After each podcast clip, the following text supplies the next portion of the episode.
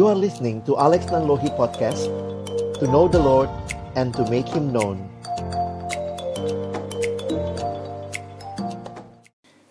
Mari sama-sama sebelum kita membaca merenungkan firman Tuhan Kita berdoa mohon pimpinan Tuhan. Kita berdoa.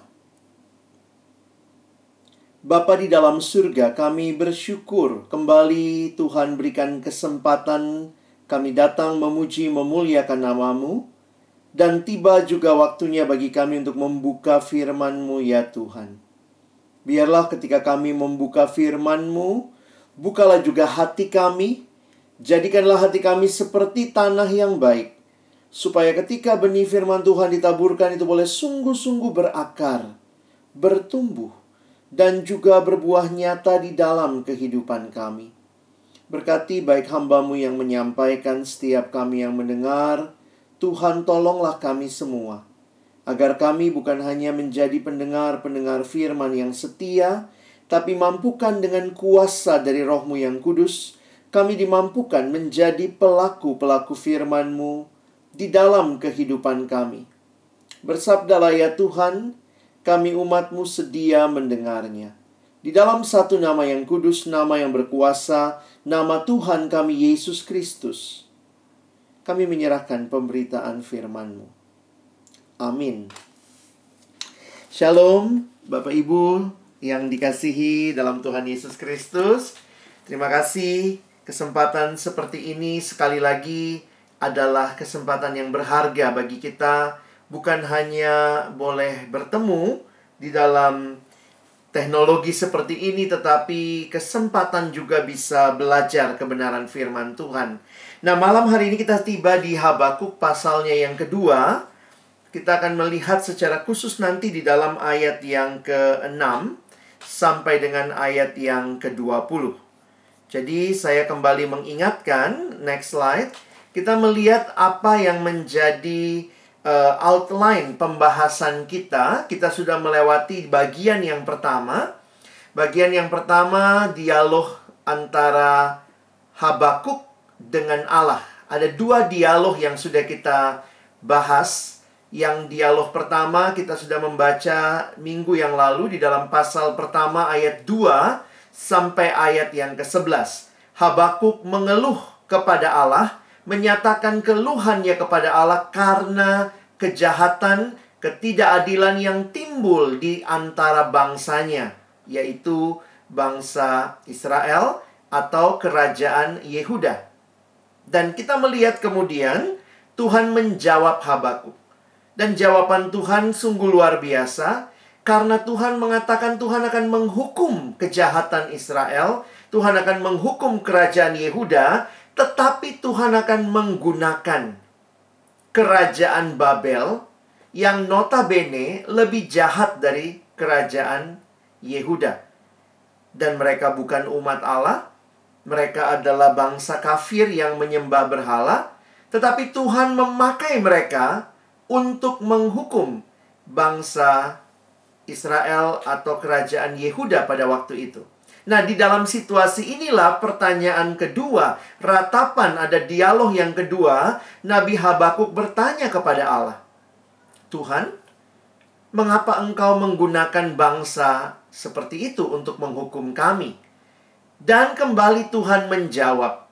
Dan jawaban Tuhan adalah, Aku Allah yang akan menjawab atau membalaskan pada waktuku, pada waktu Tuhan membalas kepada orang-orang Babel.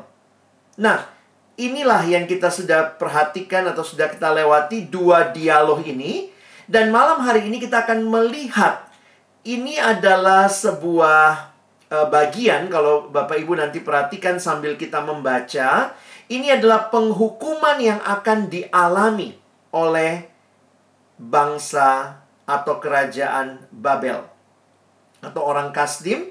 Mereka akan dihukum dan ketika mereka dihukum, maka bangsa-bangsa, jadi nanti kita lihat ya, bangsa-bangsa di sekitarnya yaitu bangsa-bangsa yang mungkin mengalami ketidakadilan dari Babel ini akan kemudian mengejek Babel. Nah, karena itu kalau kita perhatikan ini adalah bagian yang saya tulis di situ itu adalah ejekan begitu ya. Nanti kita akan lihat apa yang menjadi bagian yang uh, disampaikan dan Bapak Ibu nanti perhatikan ada lima kali kata celakalah. Jadi ada lima kali kata celakalah dan kita akan melihat sama-sama. Mari kita membuka Alkitab kita. Kalau Bapak Ibu ada Alkitab silakan dibuka Habakuk pasal yang kedua ayat 6 sampai ayat yang ke-20. Jika Bapak Ibu mungkin bisa lihat di layar juga saya sudah menuliskan seluruh ayatnya dan saya akan bacakan bagi kita.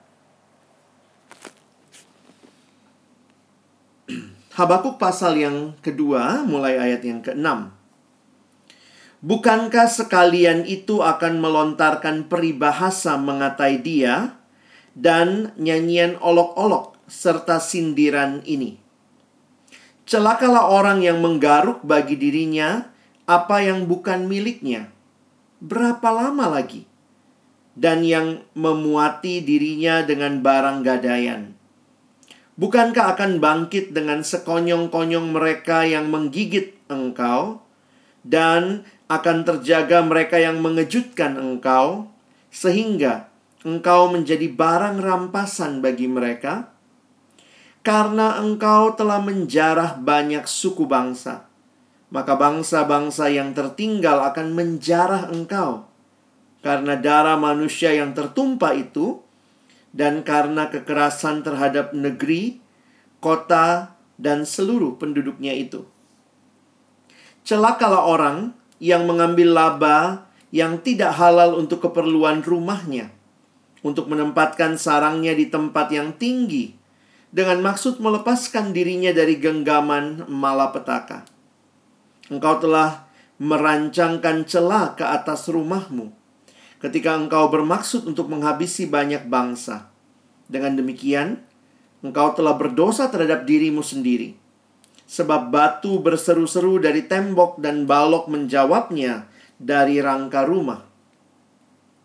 Celakalah orang yang mendirikan kota di atas darah dan meletakkan dasar benteng di atas ketidakadilan. Sesungguhnya, bukankah dari Tuhan semesta alam asalnya bahwa bangsa-bangsa bersusah-susah untuk api dan suku-suku bangsa berlelah untuk yang sia-sia? Sebab bumi akan penuh dengan pengetahuan tentang kemuliaan Tuhan, seperti air yang menutupi dasar laut. Celakalah orang yang memberi minum sesamanya, manusia bercampur amarah, bahkan memabukkan dia untuk memandang auratnya. Telah engkau kenyangkan dirimu dengan kehinaan ganti kehormatan Minumlah juga engkau, dan terhuyung-huyunglah. Kepadamu akan beralih piala dari tangan kanan Tuhan, dan celah besar akan meliputi kemuliaanmu. Sebab kekerasan terhadap gunung Libanon akan menutupi engkau, dan pemusnahan binatang-binatang akan mengejutkan engkau. Karena darah manusia yang tertumpah itu, dan karena kekerasan terhadap negeri, kota, dan seluruh penduduknya itu. Apakah gunanya patung pahatan yang dipahat oleh pembuatnya? Apakah gunanya patung tuangan pengajar dusta itu? Karena pembuatnya percaya akan buatannya, padahal berhala-berhala bisu belaka yang dibuatnya. Celakalah orang yang berkata kepada sepotong kayu, "Terjagalah," dan kepada sebuah batu bisu, "Bangunlah." Masakan dia itu mengajar. Memang ia bersalutkan emas dan perak, tetapi roh tidak ada sama sekali di dalamnya.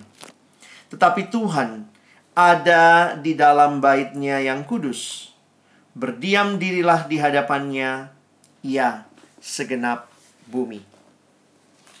Nah Bapak Ibu yang dikasihi Tuhan, ini gambaran yang sangat puitis sebenarnya. Jadi mungkin beberapa dari kita berpikir apa sih yang Tuhan maksudkan dengan kalimat-kalimat ini? Saya akan coba jelaskan nanti kepada Bapak Ibu sekalian.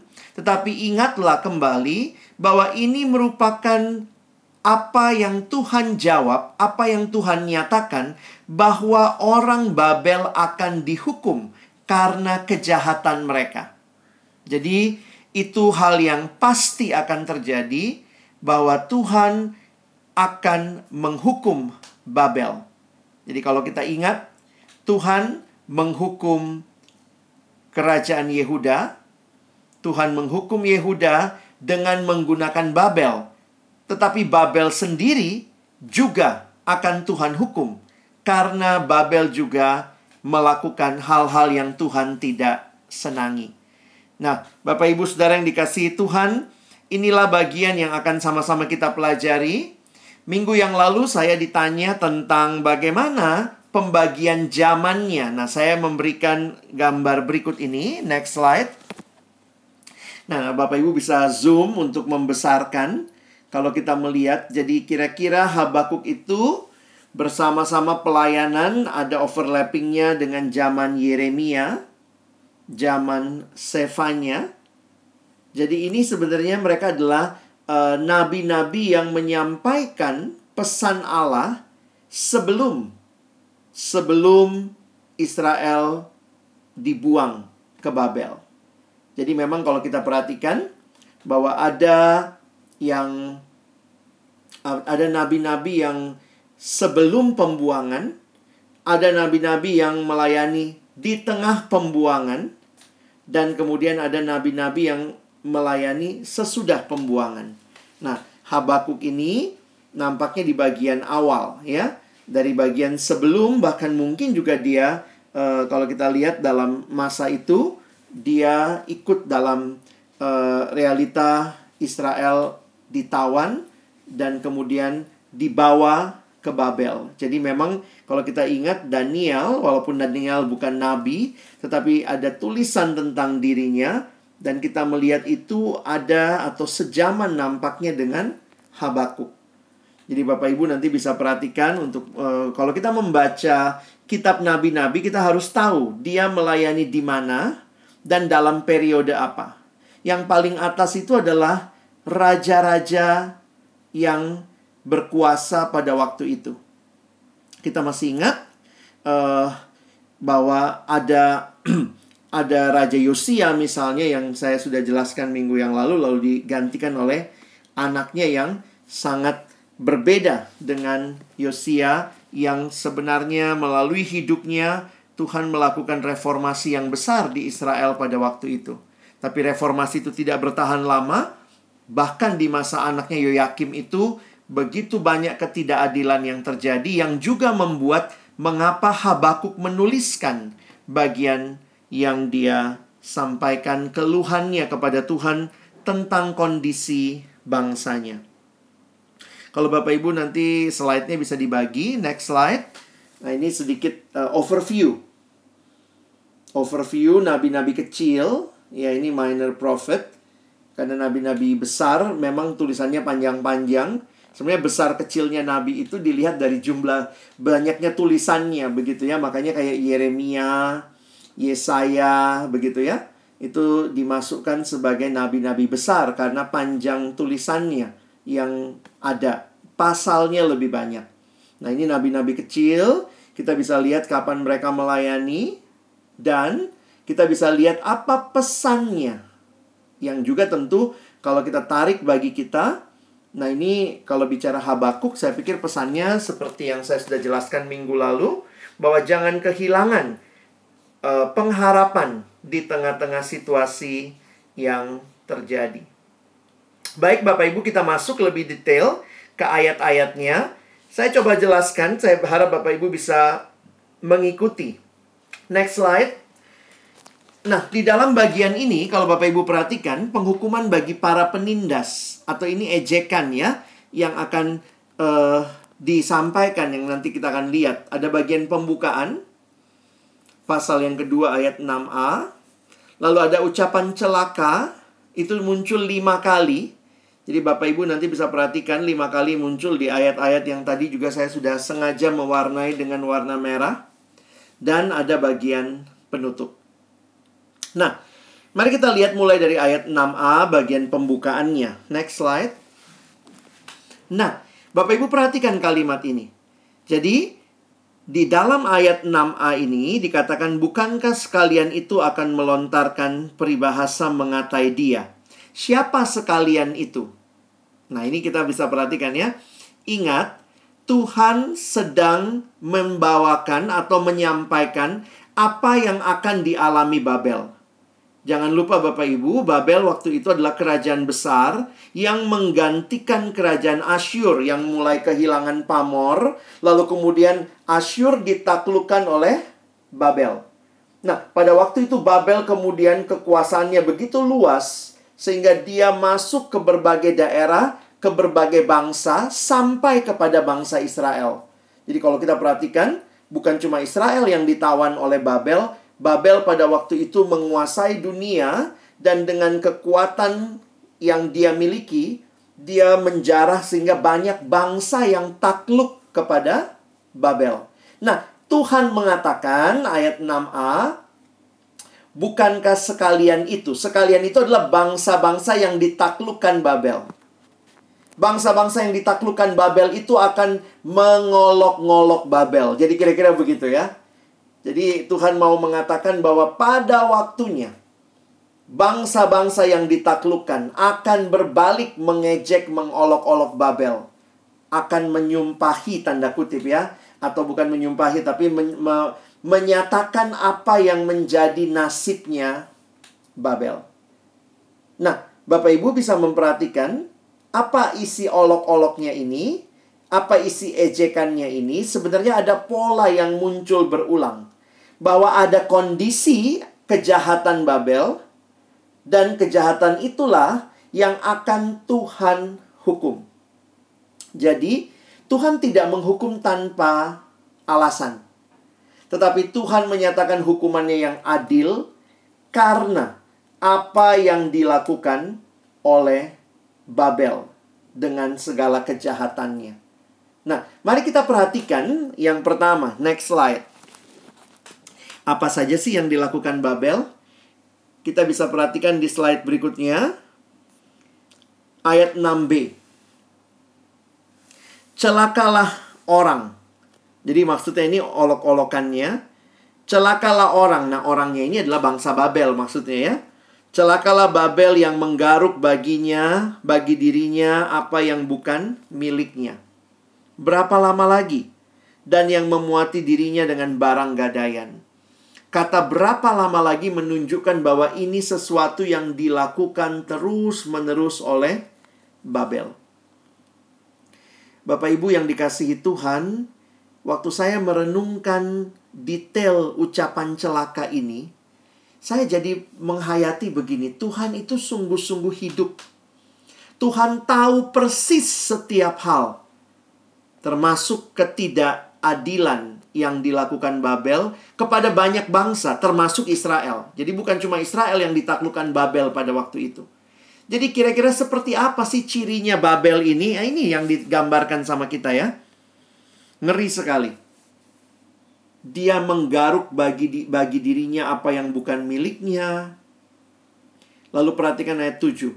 Bukankah akan bangkit dengan sekonyong-konyong mereka yang menggigit engkau dan akan terjaga mereka yang mengejutkan engkau sehingga engkau menjadi barang rampasan bagi mereka.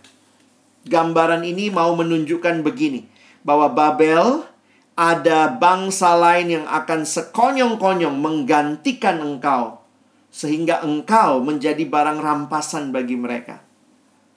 Saya pikir ini memang hal yang menarik sekali bahwa Tuhan bisa membalikkan begitu rupa keadilan Tuhan ketika berlaku bisa membalikkan begitu rupa. Di dalam sejarah dicatat bahwa yang menggantikan Babel adalah kerajaan Media Persia. Kalau Bapak Ibu pelajari sejarah dunia, jadi setelah Asyur, Asyur dikalahkan oleh Babel. Nah, setelah Babel, maka Babel dikalahkan oleh Media Persia. Itu yang bisa kita lihat juga dan ceritanya itu di dalam Daniel pasal yang kelima ketika dituliskan Belsasar melihat punggung tangan yang menulis Mene Mene Tekel Ufarsin Dan pada malam itu juga kerajaan Babel yang besar itu ditaklukkan oleh kerajaan media Persia. Kalau Bapak Ibu pernah nonton ada filmnya juga, begitu sekonyong-konyong digantikan begitu rupa. Jadi waktu saya merenungkan ini, saya jadi merasa satu ketenangan. Dalam arti apa? Bahwa Allah yang saya sembah adalah Allah yang tahu apa yang terjadi dalam dunia ini. Tuhan tuh bukan Tuhan yang tutup mata, Dia tahu dan Tuhan sanggup membalikkan itu. Mungkin Bapak Ibu juga bisa belajar banyak peristiwa dalam bangsa-bangsa di dunia. Tuhan bertindak dan itu akhirnya kita nggak bisa bilang apa-apa selain itu pasti tangan ilahi. Ketepatan hari ini 20 Mei, saya pikir ketika kita melihat apa yang terjadi tahun 2000 eh, tahun 98 ketika akhirnya reformasi terjadi, Soeharto turun, apa yang kita lihat? Semua orang mengatakan itu hanya karena tangan Allah. Jadi memang eh, Tuhan hadir dalam sejarah. Setiap kali saya pelajari sejarah dalam bahasa Inggris sebenarnya menarik ya. What is history? History is actually his story. Ini ceritanya Tuhan. Ceritanya Tuhan yang sedang dia lakukan dalam dunia ini. Bapak Ibu jangan merasa Tuhan itu Tuhan yang lepas tangan. Dia Allah yang hadir. Walaupun kadang-kadang jalan-jalannya sulit kita pahami. Tetapi Tuhan sanggup membalikkan. Ini juga yang terjadi dalam sejarah apartheid. Kalau kita pelajari di Afrika Selatan.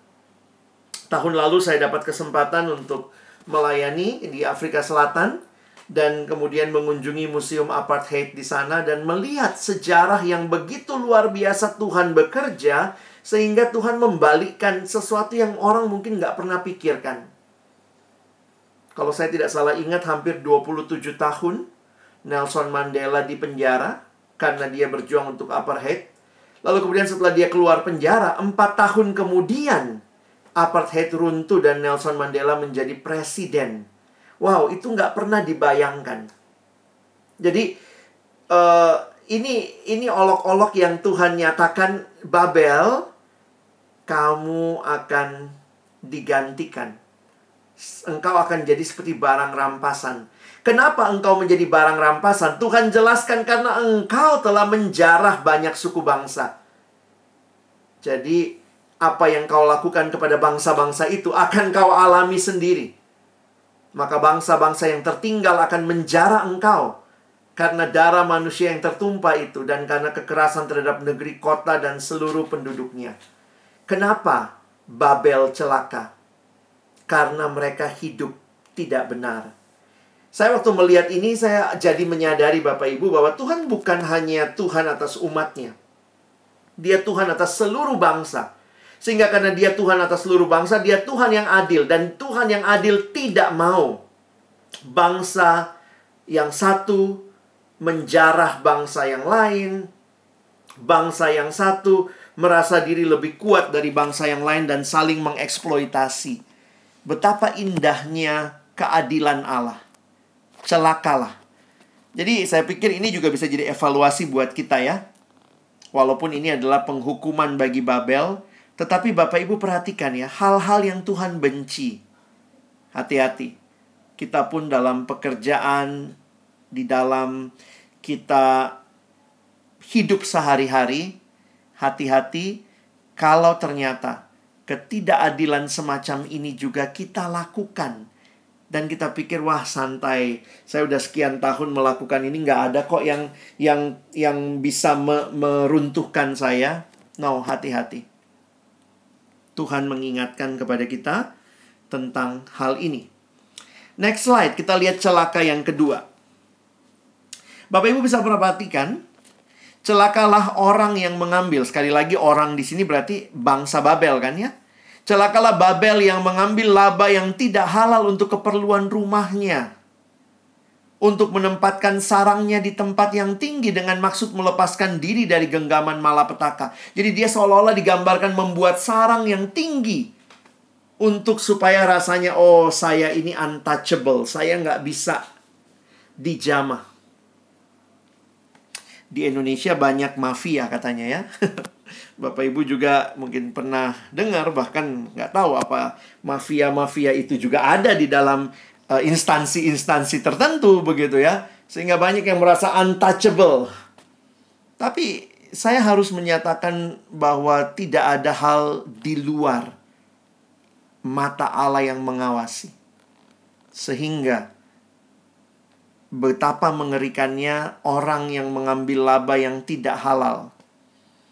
Saya pikir bukan cuma peraturan, kalau sekarang mungkin orang bicara KPK, gratifikasi, atau mungkin jangan menyogok, jangan kemudian mengeksploitasi, tapi firman Tuhan jelas. Kenapa? Karena seluruh hukum Allah itu lahir dan keluar dari pribadi Allah yang adil. Karena dia adil, maka hukum-hukumnya adil, termasuk Tuhan membenci yang mengambil laba yang tidak halal. Perhatikan ayat 10. Engkau telah merancangkan celah ke atas rumahmu ketika engkau bermaksud untuk menghabisi banyak bangsa. Jadi ketika mereka melakukan itu, mengeksploitasi bangsa lain, Babel ternyata telah menjatuhkan hukuman bagi diri mereka secara tanpa mereka sadari. Karena dengan demikian engkau berdosa terhadap diri dirimu sendiri. Perhatikan betapa dekatnya seruan itu. Perhatikan ayat 11. Ini gambarannya menarik ya, karena dia pakai gambaran rumah, maka sebab batu berseru dari tembok. Jadi bayangkan kalau tembok-tembok ini berseru gitu ya.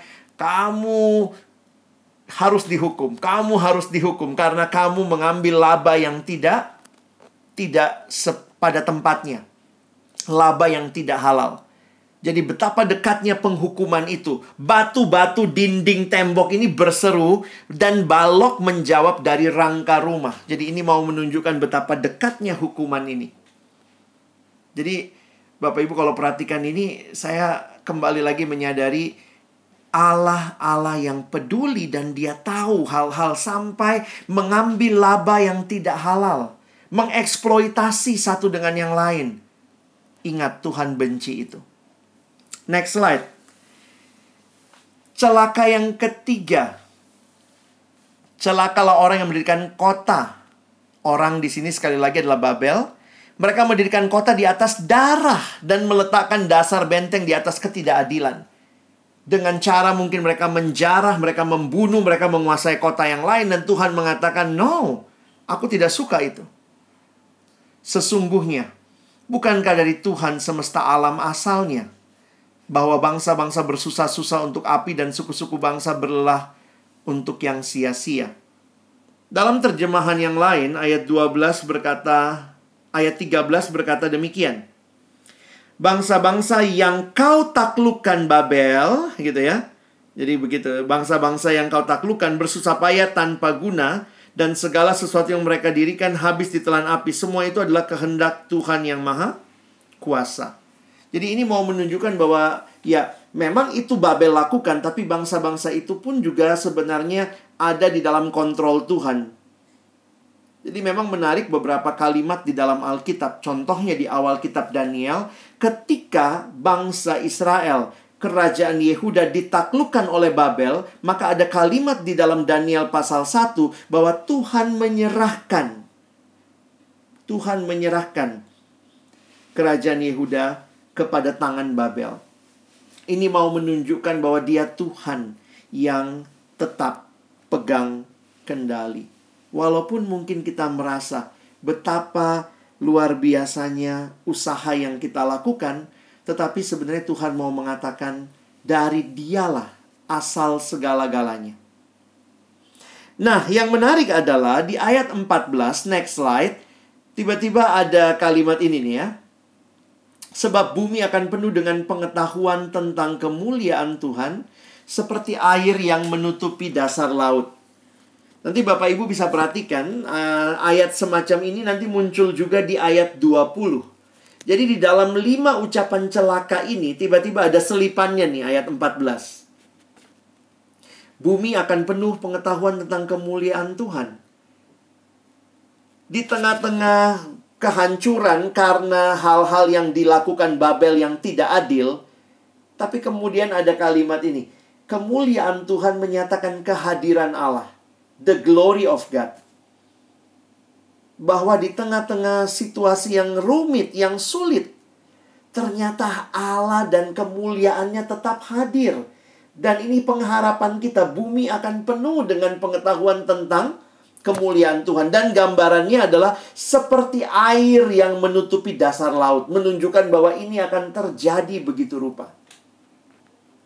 Jadi Bapak Ibu, ayat ini secara tidak langsung mengingatkan kita bahwa di tengah-tengah situasi-situasi yang sulit, ada waktunya keadilan Tuhan itu nyata dan bumi akan penuh dengan pengetahuan tentang kemuliaan Tuhan. Gambarannya seperti air yang menutupi dasar laut. The glory of God sebenarnya dalam perjanjian lama dihayati dengan kehadiran Allah di kemah sucinya, di bait sucinya. Jadi, kehadiran Allah di tengah umatnya, itulah yang biasanya digambarkan dengan kemuliaan Tuhan. Berarti apa? Allah hadir dan Allah tidak meninggalkan umatnya. Lanjut lagi, ucapan celaka lagi. Next slide. Nah, ini lebih banyak lagi Bapak Ibu mungkin bisa lihat. Ini bicara soal celakalah orang yang memberi minum sesamanya manusia bercampur amarah. Jadi ini gambarannya gambaran kemabukan. Gambaran kemabukan bahkan memabukkan dia untuk memandang auratnya berarti mempermalukan dia. Engkau telah kenyangkan dirimu dengan kehinaan ganti kehormatan, minumlah juga engkau dan terhuyung-huyunglah kepadamu akan beralih piala. Piala itu gambaran murka dari tangan kanan Tuhan dan celah besar akan meliputi kemuliaanmu. Perhatikan alasannya yang diberikan ayat 17. Sebab kekerasan terhadap gunung Libanon akan menutupi engkau dan pemusnahan binatang-binatang akan mengejutkan engkau karena darah manusia yang tertumpah itu dan karena kekerasan terhadap negeri, kota dan seluruh penduduknya itu. Bapak Ibu ini menarik ya. Saya waktu mempelajari ini kok jadi merasa wow, kalau kita sekarang mulai bicara sustainable development, sustainable uh, energy gitu ya. Waktu kita bicara hal itu ternyata Alkitab punya perspektif yang utuh. Termasuk kegagalan Babel.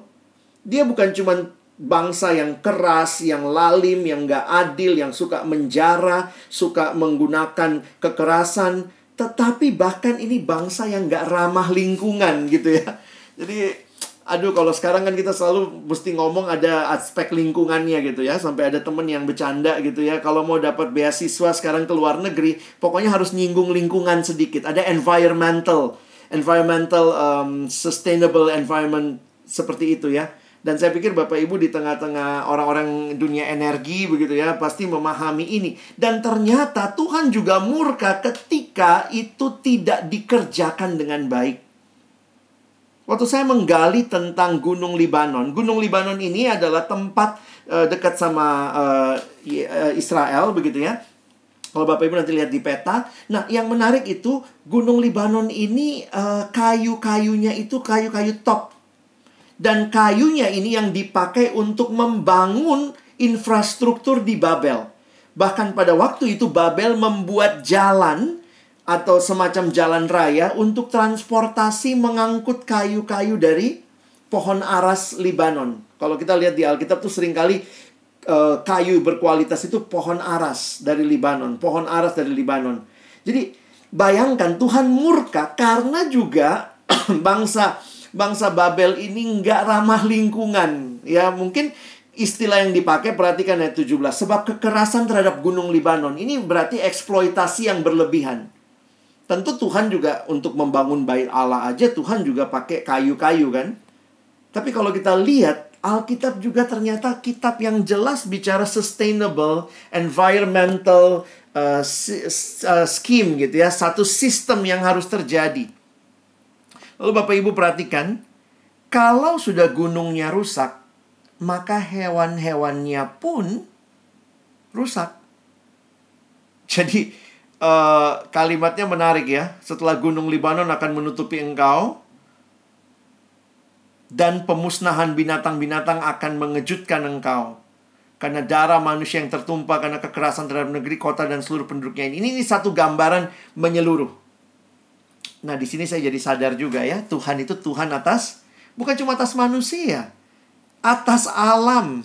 Kalau kita bicara environmental, environment ya itu Tuhan. Kita orang Kristen harusnya punya kesadaran uh, environment yang lebih tinggi karena apa? Ini adalah aspek dari Allah kita yang adil binatang yang juga harus dijaga kelestariannya. Ketika hutannya dirusak, binatangnya pasti akan suffer.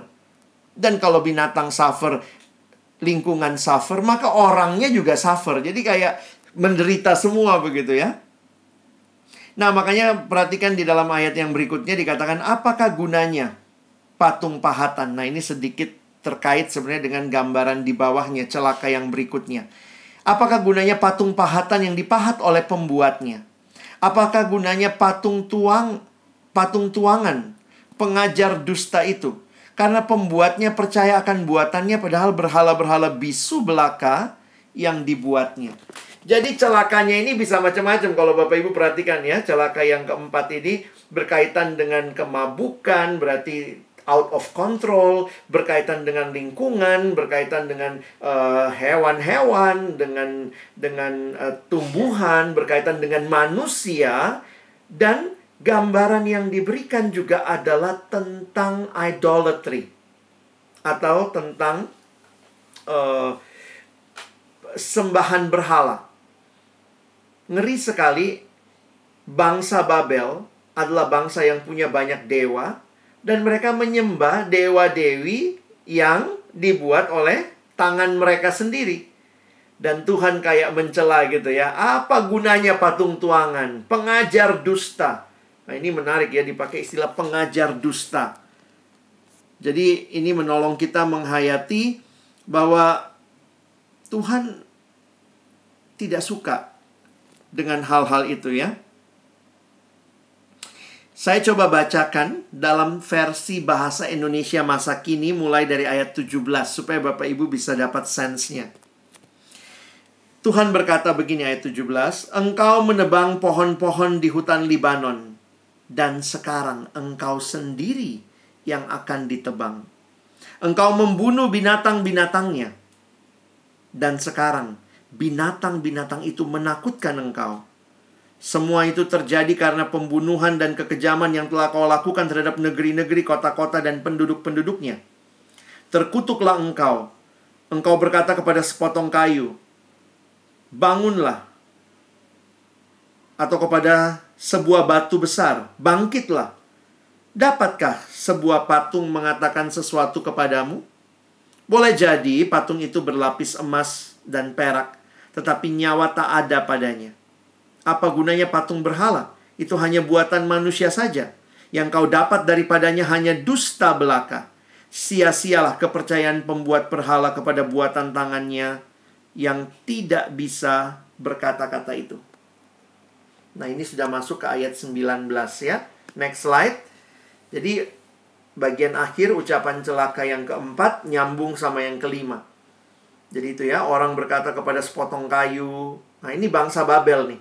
Bangsa yang jadi memang saya waktu menghayati pantas aja uh, Habakuk tuh mengeluh Tuhan masa bangsa kayak gini kau pakai menghukum kami? gitu ya.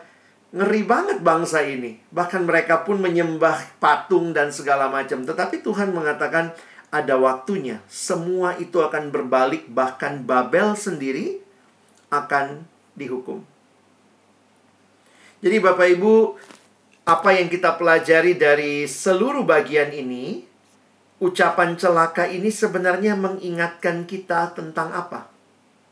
Nah, saya masuk ke ayat 20. Ayat 20 dimulai dengan kata berikut. Next slide.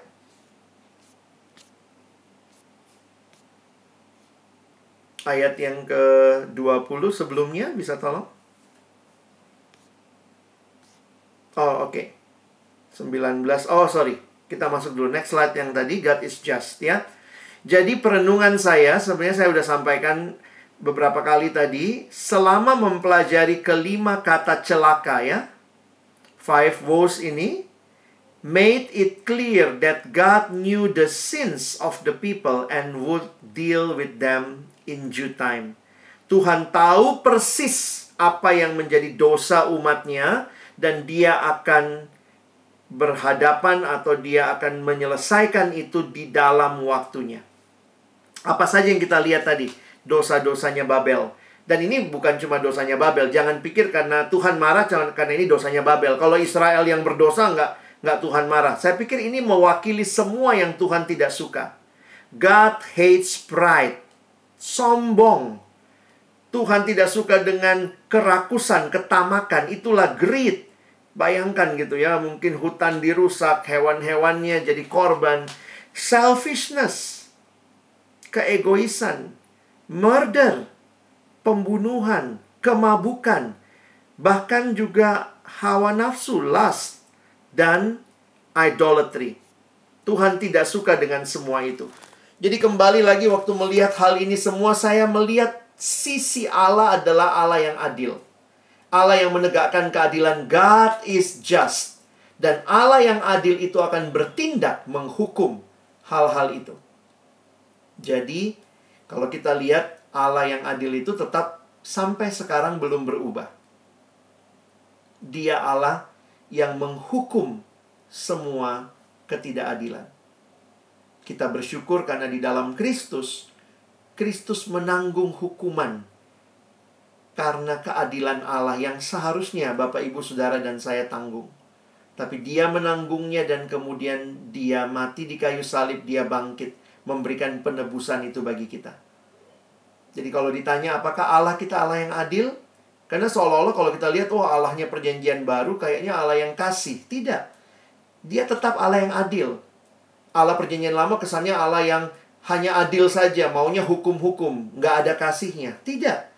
Dia Allah yang kasih juga. Jadi Allah yang adil dan kasih dan memang menarik sekali. Keadilan dan kasih Allah ini bertemu di salib. Ketika Kristus harus menanggung dosa. Dosa harus dihukum. Kita berdosa harus dihukum.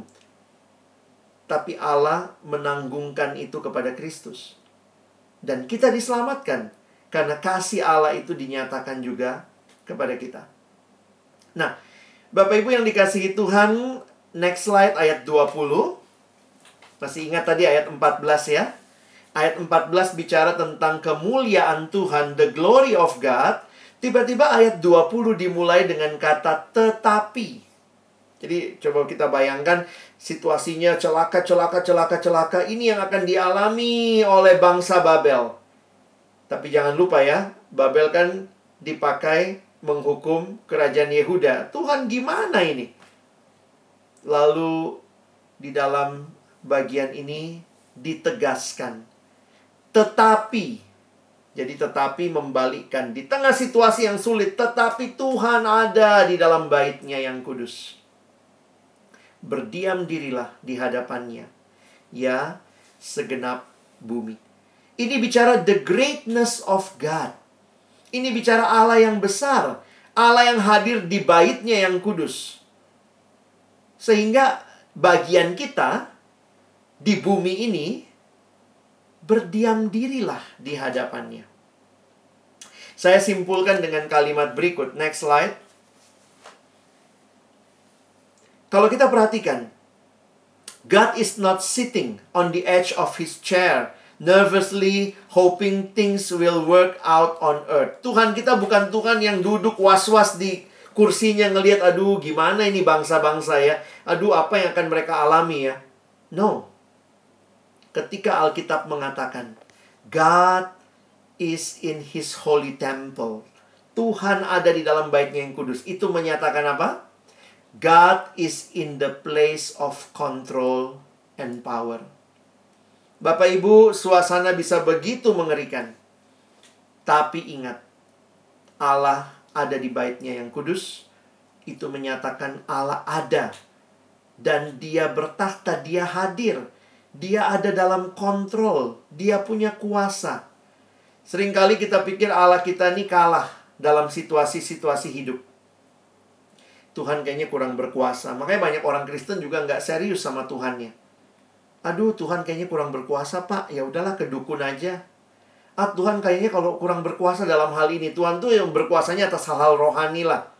Kalau hal-hal yang ini maaflah Saya pakai dukun Saya pakai orang pinter No. Ketika suatu situasi sulit Sebenarnya di sinilah saudara dan saya Krisis itu menunjukkan siapa yang sesungguhnya kita percayai. Kepada siapa kita beriman? Masihkah kita percaya? God is in the place of control and power. Nah, Bapak Ibu yang dikasihi Tuhan, lalu sikap kita bagaimana? Tadi kan kalimatnya berdiam dirilah di hadapannya segenap bumi. Nah, saya mau mengangkat ayat yang saya sedikit lewati minggu lalu, tapi saya melihat ini linknya untuk menghayati bagaimana seharusnya sikap kita. Next slide. Di dalam situasi yang sulit, kita diingatkan Allah tetap pegang kendali. Lalu kita bagaimana? Ini kalimat yang terkenal dalam kitab Habakuk, yaitu Habakuk pasal 2 ayat 4b. Orang benar, tetapi orang yang benar atau orang orang uh, the just, tetapi orang yang benar itu akan hidup oleh percayanya. But the just shall live by his faith. Ini Habakuk 2 ayat 4. Sebenarnya pembahasan minggu lalu cuma sengaja saya memakainya untuk menutup seluruh rangkaian pasal 2 karena di tengah situasi yang sulit Allah bertindak, Allah akan menghukum dan Allah tetap ada di tempatnya walaupun belum terlihat. Ingat, ketika itu Habakuk belum lihat semua yang Tuhan bilang akan terjadi akan terjadi. Tapi kemudian Tuhan bilang, "Kamu tenang. Dan dalam ketenangan itu, apa tujuannya tenang? Kamu duduk tenang, diam, lihat dan percaya. Aku ada, aku bertindak. Tentu bukan berarti Habakuk tidak melakukan apa-apa. Tentu Habakuk melakukan perannya sebagai nabi, ingatkan umat Allah. Tapi Tuhan mau mengatakan belajar percaya waktu engkau belum melihat apa pun, belajar percaya. Bapak Ibu nanti bisa melihat ayat ini, salah satu ayat yang dikutip cukup banyak di Perjanjian Baru. Dari ayat ini, orang percaya atau orang benar itu akan hidup oleh percayanya dikutip kalau saya tidak salah ingat ada tiga kali di perjanjian baru. Di kitab Roma, lalu nanti ada di kitab Ibrani. Jadi Kalimat ini mau menunjukkan situasi-situasi hidup yang sulit, bukan membuat kita kemudian merasa Tuhan tidak hadir dan meninggalkan kita, tapi kita percaya Tuhan ada dan kita belajar untuk berdiam dan melihat Allah bekerja.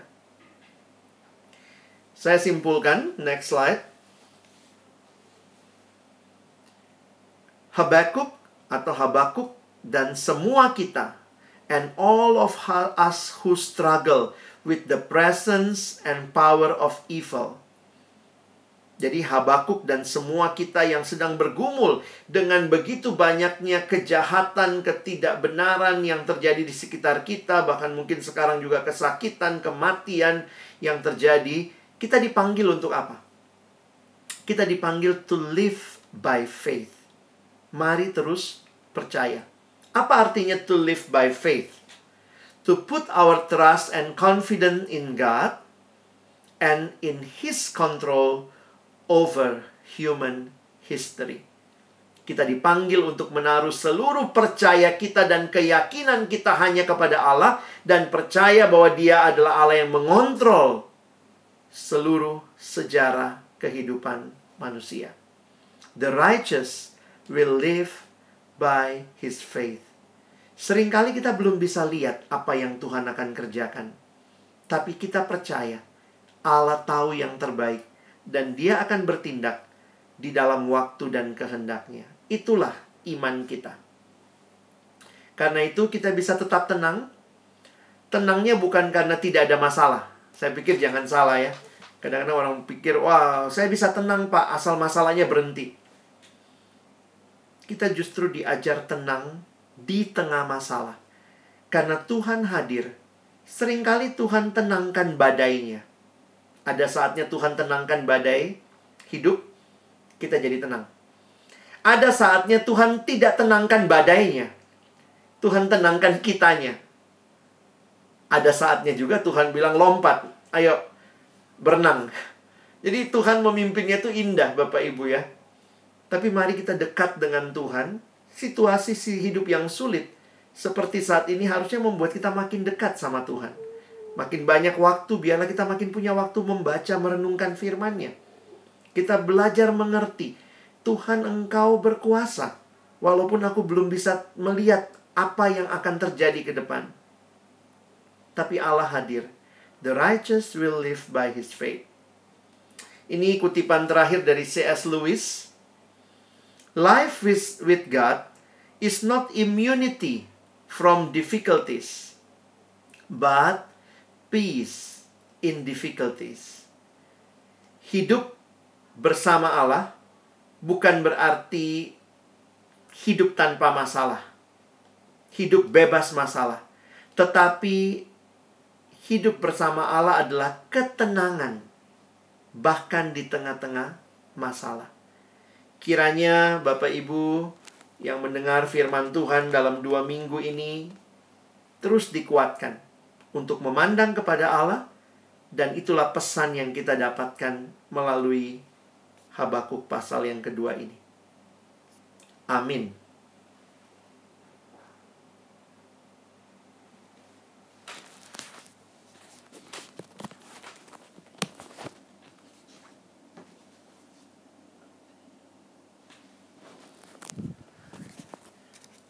Terima kasih Bu. Percaya Bapak dan Ibu, uh, anggota Bakor Umkris uh, nomor satu, Pak Pendeta juga, ya. dan seluruh tamu yang hadir pada malam hari ini makin dikuatkan ya di dua minggu terakhir ini pasti Tuhan berbicara tersendiri bagi kita masing-masing. Baik, uh, kita boleh ke sesi diskusi Pak Pendeta. Silakan Bu, jika uh, ada rekan-rekan yang di lokasi yang di lima provinsi yang di Mor 1 silakan ingin ada, ingin merespon firman Tuhan sekaligus mungkin sharing Boleh. sharing apa yang dialami yang mungkin bisa menguatkan saya Pak Pendeta dan juga kita semua. Silahkan Bapak dan Ibu. Dari tamu nomor satu juga dipersilahkan.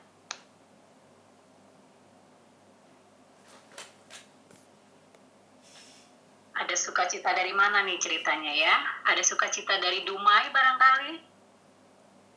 Dari Aceh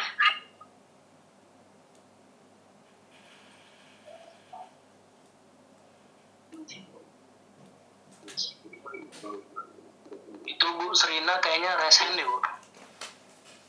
Iya, resen. Oh, oke. Okay. Kakak Serina. Silakan shalom Kakak. Shalom Ibu. Terdengarkah Bu suara saya? Terdengar sangat lembut. silakan, silakan Kak. Ya, uh, shalom semuanya, shalom Pak Pendeta. Shalom Bu. Pertama kali saya di ibadah online di Bakor Umpris Mall 1 ya. Dan uh, merasa kok kayak ini ya? Kayak memang ya kebanyakan kita pasti kayak merasa kalau saya mengikuti ibadah sepertinya kok kayak Tuhan lagi menjawab saya ya? Seperti itu. Jadi memang uh, akhir-akhir ini sejak terutama sejak corona ya Pak Pendeta ya yeah. uh, itu uh, istilahnya kecemasan saya bertambah lah. Selain sebagai ibu rumah tangga juga sebagai seorang pekerja juga sebagai seorang anak ya. Jadi saya sampai mengalami sulit tidur. Itu dokter Eca tahu tuh. Hmm. sampai saya pergi akhirnya menyerah dengan insomnia saya karena benar-benar tidak bisa tidur. Itu sampai saya pergi ke psikiater hmm. dan minum obat saking saya benar-benar nggak bisa tidur sama sekali.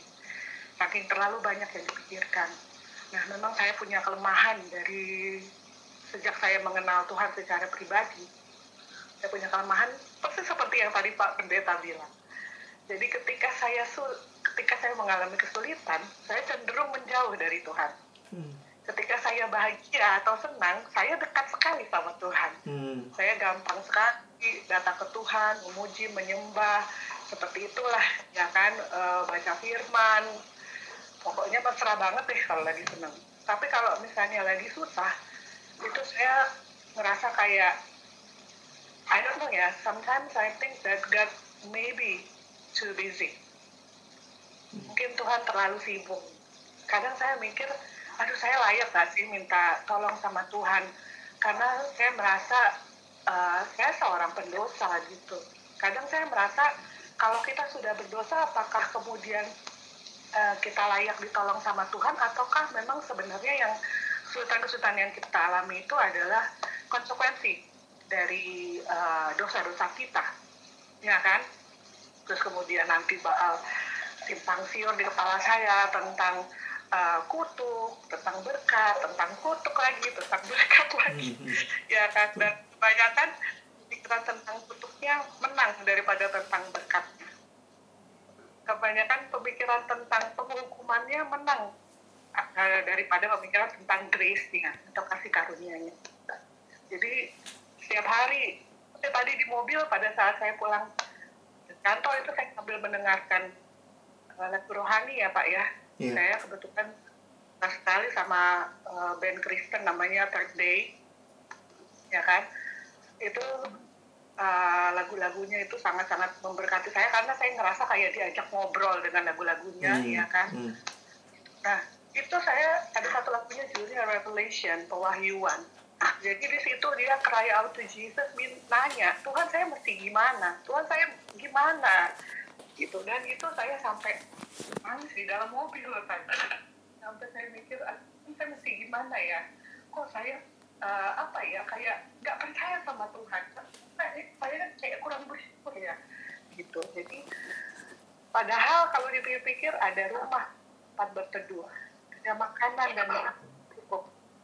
Tidak kekurangan suatu apa pun. Dan puji Tuhannya uh, walaupun pada masa pandemi corona semua anggota keluarga saya sehat. Tidak ada yang terkena sakit. Ya kan walaupun bapak saya di Jakarta juga beliau sehat gitu loh walaupun tidak ada yang mengurus di sana hmm. jadi saya merasa bergulat sekali itu seperti yang tadi Pak Pak Nurita bilang saya bergulat sekali uh, antara uh, tidak bisa saya pungkiri ada sedikit ketidakpercayaan dalam diri saya bahwa uh, God is really, really having a control over my life. Hmm. Itu tidak bisa saya pungkiri. Ada sedikit ketidakpercayaan bahwa Tuhan tuh benar-benar punya kontrol loh ada ada hidup saya gitu. Karena kebanyakan memang saya bertindak akan uh, atas logika saya sendiri gitu kan. Karena saya berpikir uh, ya seperti itu ya Pak Pendeta. Hmm. Jadi waktu tadi Pendeta bilang uh, God is taking a control over our life itu itu saya ngerasa kayak di waduh kok bisa pas banget ya? Gitu jadi ini benar-benar seperti yang seperti tadi bilang Bu Ipon bilang penguatan ya. Yeah. karena saya merasa dijawab dan dipuaskan sepertinya Tuhan sedang ngomong sama saya uh, kalau tadi kamu berpikir ragu bahwa saya uh, punya kontrol akan hidup kamu, ini ada di firmanku bahwa aku punya kontrol atas hidup kamu. Dan untuk itu Pak Pendeta saya mengucapkan terima kasih. Sama-sama Bu, terima kasih sharingnya.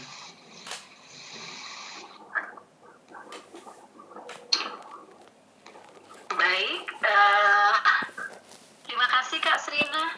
Lagi-lagi menguatkan saya Pak Pendeta. Iya. Yeah ternyata ternyata kalau minggu lalu saya berpikir aduh saya udah di titik yang paling rendah uh, hmm. apa namanya uh, merasa bahwa Tuhan tolong Tuhan tolong gitu ya kayaknya sudah teriak-teriak gitu ya tapi ternyata hari ini dikuatkan lagi bahwa kalau kita bergandengan tangan saling mendoakan maka benar-benar hmm. ada kelegaan gitu ya ada hmm. kelegaan dan luar biasa gitu uh, setelah mengalami titik yang uh, langsung Tuhan angkat betul gitu. Bahwa angkat beban beban kita seruan kita tuh didengar Tuhan. Yeah. betul ya pendeta seruan hati kita didengar Tuhan.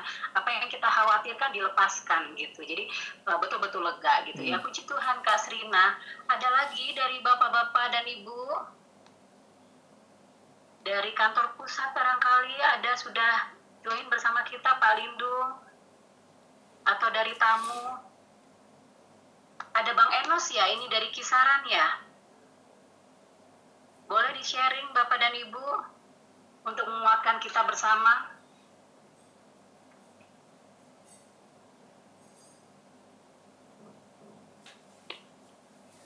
jangan sampai kita ditinggal tidur Pak Pendeta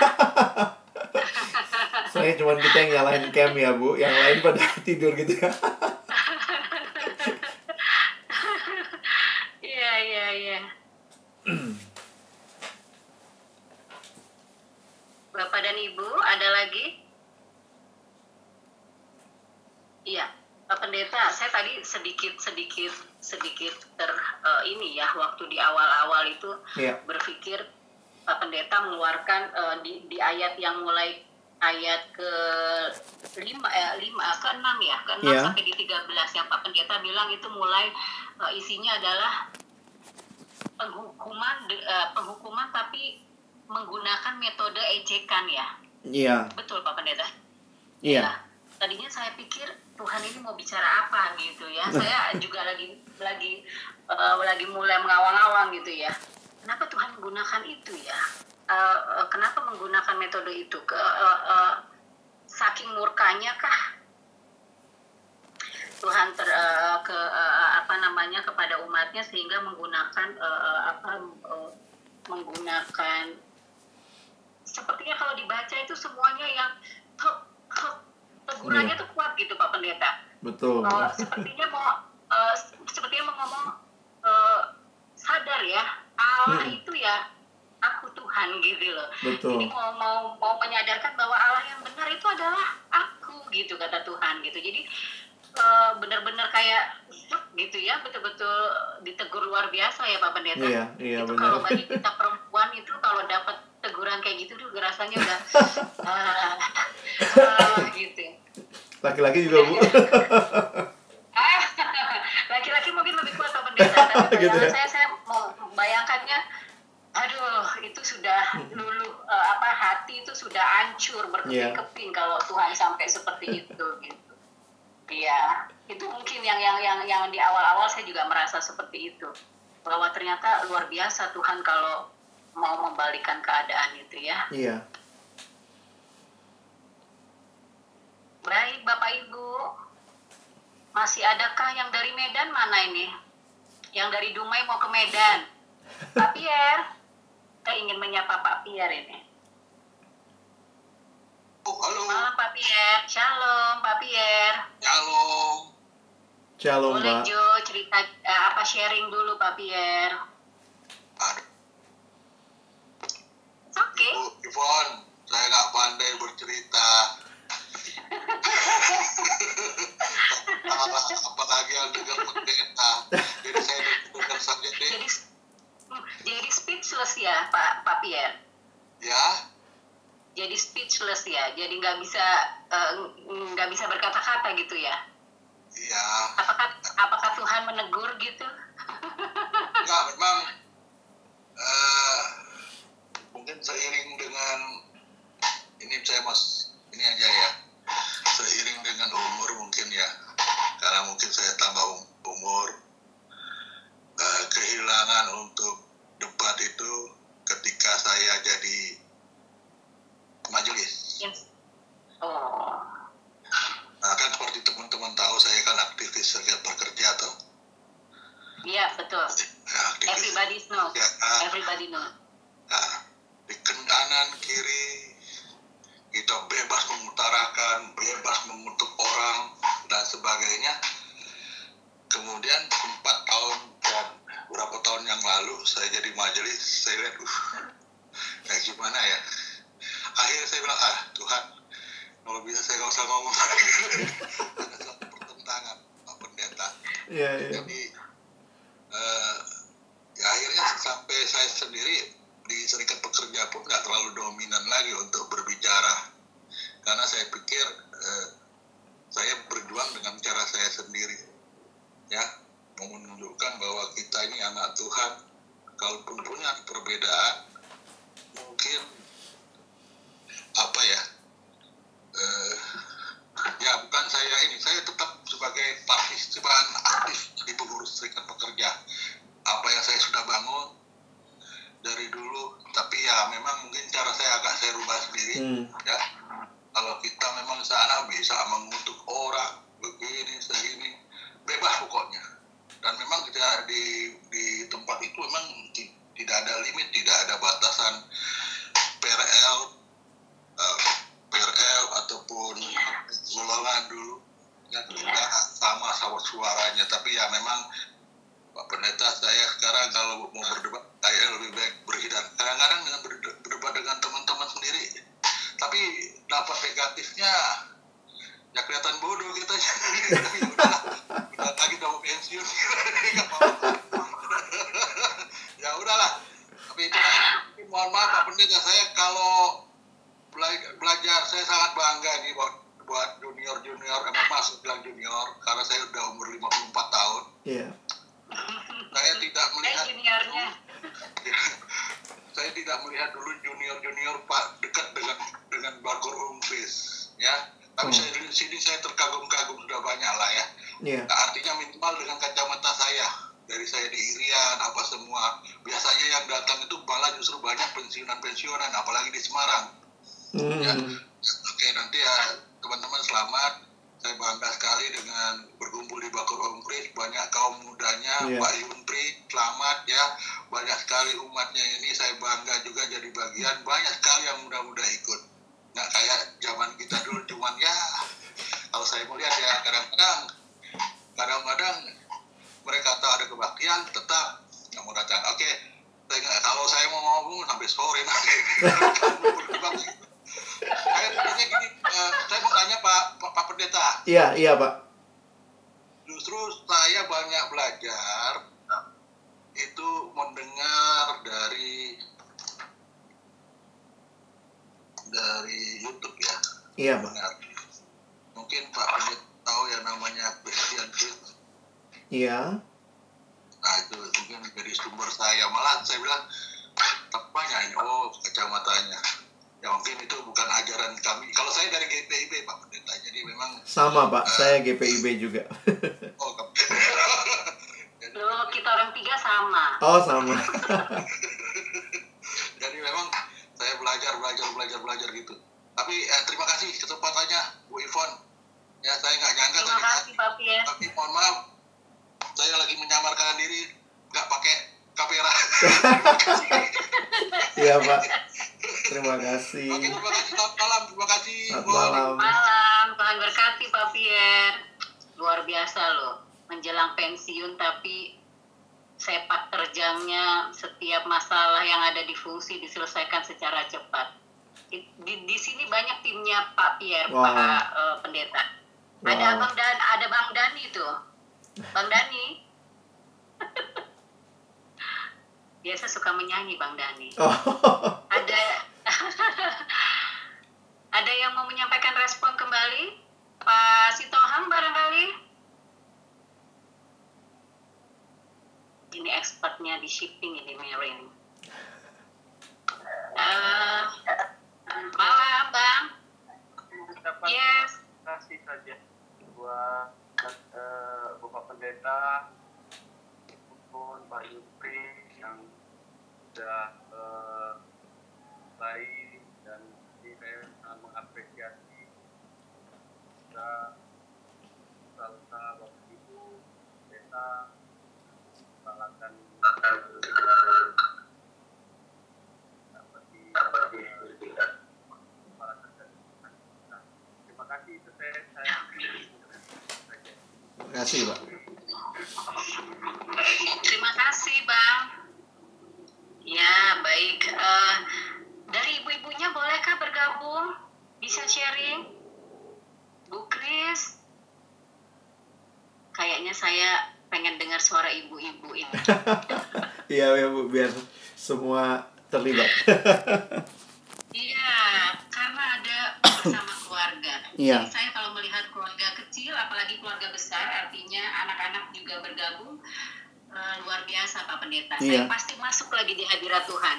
Dan nangis lagi Pak Pendeta, saya minta dikuatkan lagi. luar biasa Eh, karena saya cuma bisa mesbah sendirian di tempat ini tapi eh, kalau bersama keluarga membangun mesbah keluarga itu Iya. em, eh, maka kita bisa bonding juga dengan anak-anak ya Pak Pendeta Iya, betul. Di dalam pertumbuhannya mereka juga eh, mereka jauh lebih eh, apa Hmm. namanya eh, lebih mencari nanti kehendak Tuhan seperti itu ya. Betul. baik Eh, dari bolehkah dari Aceh jauh kali Aceh ada Bang Pander nggak? Selamat malam. Shalom. Masih adakah? Luar biasa loh. Luar biasa dua minggu dikuatkan. Minggu depan makin dikuatkan Bang Yunpri ke mana ibu nih? Hadir, hadir, hadir. Eh, Mbak Mbak Ana dong cerita sharing. Mewakili para ibu. Nanti Kak Ipo nangis lagi. Jangan Jo. Kakak kalau kakak kalau sharingnya bahasa kasih beta sing nangis toh Iya, jadi bahasa kasihnya ini ya, apa? eh, pelukan kayaknya ya Ipo ya. yes correct Bener ya? correct Ya, ini nih Pak Yutri udah siapin pertanyaan nih. Oke. boleh boleh bang Eh, saya tadi tertarik waktu tadi Pak Pendeta eh, apa namanya refer juga kepada pada waktu Tuhan Yesus beserta murid-muridnya di danau ya Iya. tiba-tiba angin ribut gitu ya dan tadi Pak Pendeta bilang Tuhan bisa melakukan salah satu atau salah dua Hmm. salah satunya adalah menenangkan lautnya atau hati manusia dan memang akhirnya saya lihat para murid itu dan mungkin seperti kita juga ya hatinya itu lebih ribut daripada angin ribut Badainya di dalam ya. ya ini.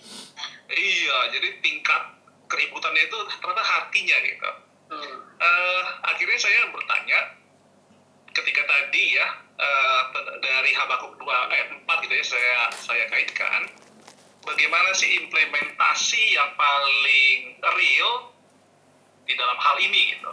Tadi ada juga saya lihat kan tentang eh, tatanan waktu ya. Kadang kan pasti manusia karena kita eh, terlalu KPI hidup kita itu pasti ada waktu gitu ya. Sampai kapan nih gitu. Tapi ternyata di sini suruh diam ya. Kita nggak tahu sampai kapan. Itu aja saya, saya kira eh, Bu moderator ataupun Pak Pendeta bisa menangkap apa yang pikiran saya. Terima kasih. Oke, Pak. Terima kasih. Saya boleh responi dulu, Bu? silakan Pak Iya. Pendeta Eh, ini bagian yang menarik sebenarnya memperhatikan Markus. Saya ambil yang poin Markus pasal 4 ayat 35 sampai 41 tentang angin ribut diredakan. Eh saya saya ambil dua hal saja kali ya malam hari ini perenungan yang pernah saya ini awal-awal ayat yang sangat banyak saya renungkan berkaitan dengan kondisi begini ya. Karena jujur aja banyak sekali orang bertanya lalu kemudian mengkaitkan ini seperti angin ribut dan seterusnya. Yang menarik yang saya lihat yang pertama ya adalah Yesus tertidur. Atau Yesus tidur lah ya. Eh, pada waktu itu dituliskan ayat 38 pasal 4 Injil Markus. Pada waktu itu Yesus sedang tidur di buritan di belakang kapal. Jadi Bapak Ibu yang dikasihi Tuhan, eh, saya membaca satu tafsiran yang menarik mengatakan bahwa seharusnya sikap orang percaya itu bisa seperti Yesus yang tidur tanda kutip. Jadi jujur aja awalnya saya pikir kok Yesus kayaknya ignorant banget gitu ya, nggak peduli banget dengan realita yang terjadi. Tetapi eh, menarik waktu membaca tafsiran itu dia mengatakan bahwa justru ini menunjukkan seharusnya seperti itulah orang percaya. Maksudnya bisa tetap tidur tenang di tengah badai sekalipun. Jujur eh, tadi waktu Ibu siapa ya? Serina ya cerita saya pikir itu juga pernah jadi pengalaman saya beberapa waktu yang lalu dengan kesehatan orang tua saya begitu. Jadi uh, salah satunya tuh kayak tanda kutip insomnia gitu ya. Dan nggak bisa tidur dengan nyenyak. Dengan setiap kali dengar suara langsung kebangun, lari, cari. Karena takut entah uh, orang tua jatuh atau apa waktu itu kan dalam situasi sakit yang dialami. Dan itu jujur aja itu nggak nggak mudah jadi makanya yang minggu lalu saya sampaikan sebenarnya dalam realita ini kita harus belajar jujur ya sama kondisi hati kita juga. Tapi waktu kita jujur ya kita bawanya sama Tuhan dan belajar untuk menerima Tuhan tolong saya bisa tenang tidur di dalam di dalam kasihmu begitu. Jadi uh, itu yang pertama yang menarik yang saya perhatikan bahwa badai itu akan selalu ada. Jangan pernah mimpi hidup tanpa badai. Karena hidup kekristenan bukan hidup yang tanpa masalah, tetapi hidup yang ada Allah di dalam masalah. Dan itu kekuatan kita, itu ketenangan kita, bahkan harusnya bisa tanda kutip seperti Yesus yang tidur waktu badai itu. Nah, yang kedua adalah kalimat yang ditanyakan oleh para murid. Nah, saya pikir ini juga uh, yang penting ya. Kalimatnya begini, mereka bilang, maka murid-murid itu membangunkan dia dan berkata kepadanya, Guru, engkau tidak peduli kalau kita binasa? Jadi, murid-murid menyimpulkan, nah ini kalau bilang konsep sederhananya, mereka menyimpulkan Tuhan ini Tuhan yang nggak peduli. Saya benar-benar mirip seperti yang Ibu Serina bilang tadi gitu ya. Tuhan kayaknya lagi nggak peduli, Tuhan mungkin lagi hukum kita, Tuhan kayaknya lagi nggak sayang sama kita. Terus kita bertanya, apalagi nih yang saya harus lakukan supaya dia tambah sayang sama saya. Jadi kayaknya hubungannya transaksional. Kita pikirnya Tuhan itu kayak bos kita ya. Kadang baik, kadang nggak baik. Ya kalau lagi nggak baik ya kita kita kasih apa nih Pak, eh, ini Bu, kasih sesuatu supaya dia jadi tambah baik sama kita. Tapi ini mau menyatakan bahwa Tuhan itu selamanya baik gitu. Bukan dia jadi baik tidak baik karena pergumulan hidup kita. Bahkan sebenarnya kalau kita lihat sampai akhir Injil Markus, uh, Yesus menyatakan kebaikannya dengan memberikan nyawanya di kayu salib bagi kita. Jadi waktu saya memperhatikan hal ini, uh, mungkin kita perlu terus mengkalibrasi hati kita. Saya senang dengan istilah ini ya, mengkalibrasi atau nyetem sebenarnya. Sebenarnya istilah yang menarik nyetem ya Kayak kalau Bapak Ibu suka main musik, main gitar itu tiap kali mau dimainin di stem lagi. Tiap kali mau dimainin di stem lagi. Nah, kita perlu tiap hari itu nyetem hati kita. Karena itu baca Alkitab setiap pagi. Jangan-jangan hidup kita udah mulai fales nih. Nada-nadanya udah mencurigai Tuhan. Tuhan kayaknya lagi nggak baik sama saya. Tuhan kayaknya nggak peduli sama saya. Nah, yang Tuhan mau tegaskan bagi kita adalah ingat, aku ada aku hadir. Entah berapa lama itu bukan itu bagian kita. Saya jujur aja seperti yang Pak Junpri bilang ya, kita pengen tahunya Tuhan sampai kapan gitu. Tapi bukan itu yang Tuhan Tuhan jawab sering kali. Tuhan tidak jawab berapa lamanya, tapi Tuhan jawab bahkan sejak sekarang aku ada dan aku tuh peduli sama kamu. Aku sayang sama kamu. Aku tidak meninggalkan kamu. Dan itu yang Tuhan mau kita terus tenang. Dan memang ini pergumulan ya kalau kalau kadang-kadang ya mungkin kayak ibu Ivon cerita kalau kalau lagi melo ingat lagi mau bangun mesbah keluarga melo lagi butuh dikuatkan lagi. Saya pikir itulah hidup beriman. Hidup beriman itu jangan berpikir hidup seperti superhero. Sekali kuat tidak pernah gagal lagi tapi terus menikmati ada saudara seiman. Makanya kalau ibu Ivon minta kita sharing saya pikir menarik ya waktu sharing ih thank you loh sharingnya nguatin saya gitu. Besok baca Alkitab pagi-pagi, dikuatin lagi, kalibrasi lagi hati kita, jangan fals hidup kita gitu. Nah saya pikir uh, dua hal itu yang saya garis bawahi dalam perenungan Markus tentang angin ribut itu ya. Terima kasih Ibu. Baik, terima kasih Pak Pendeta. Lagi dan lagi dikuatkan, yes. Baik, Bapak Ibu masih adakah yang ingin sharing, yang ingin menyampaikan mungkin um, Tuhan mungkin berbicara melalui Bapak dan Ibu saat ini dan ingin dibagikan saat ini juga silakan Bapak dan Ibu.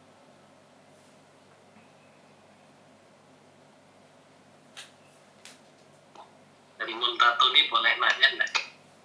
Uh, Pak Kris pakai silakan. nanya. Silakan Pak Kris, senior Ivon ini Pak Pendeta. Oh iya. Silakan Ini Pak. senior lagi maksudnya. Silakan Pak Kris. Mungkin saya sedikit lebih junior dari Pak Pierre lah. Sedikit aja. Iya iya iya iya iya. Jadi Pak Pierre dulu baru Pak Kris. Baiklah. Pak Pendeta tadi eh, mungkin pertanyaan saya yang pertama itu Habakuk ketika nulis yang ditulis itu belum dalam posisi pembuangan ya. Belum Jadi Pak. Babelnya belum belum posisi belum belum menjajah lah kira-kira gitu ya. Bahkan belum Ya. menjajah. Iya Oh, benar. belum jajah ya berarti dia sudah menuliskan sesuatu yang belum terjadi ya. Betul yang Pak. tadi ya terlihat ya oke terima kasih yang pertama yang kedua kadang-kadang eh, kalau diimplementasikan saya coba bandingkan eh kalau orang jahat orang gini-gini nanti celaka celaka celaka tapi kalau saya coba bandingkan di Mazmur berapa kalau tidak salah Mazmur 73 ya si Oh. Daud bilang yang orang fasik dia tambun dia beruntung dia gemuk dia tidak pernah sakit dia tidak Iya. pernah apa namanya eh, Mengalami- terbles eh, Iya, dan musibah. dia lalim dan sebagainya Mazmur 73 kali ya Pak Pendeta Benar, ya? yang dibaca Ibu Ivon tadi di awal, Pak. Ya, ya, ya, ya. Jadi apa namanya? eh, kalau di prakteknya kadang-kadang memang nyebelin Pak Pendeta kadang-kadang nyebelin gitu kan eh, tetangga ya kira-kira gitulah. Yang kira-kira tidak tetangga tidak jujur cepat karirnya naik. Iya. kata-kata kayaknya sudah kita udah kerja bagus sudah diusulin sudah diwawancara. Eh yang jadi yang nggak wawancara. Kayaknya kira-kira gitu Iya, Pak. jadi Benar-benar. eh, ada apa namanya dan masalahnya lagi kalau mungkin di Mazmur itu kelihatan Tuhan bilang sih pada kesudahnya nanti melihat ya mereka akan terpleset nah masalahnya nggak ngeliat-ngeliat itu Pak Pendeta gitu loh.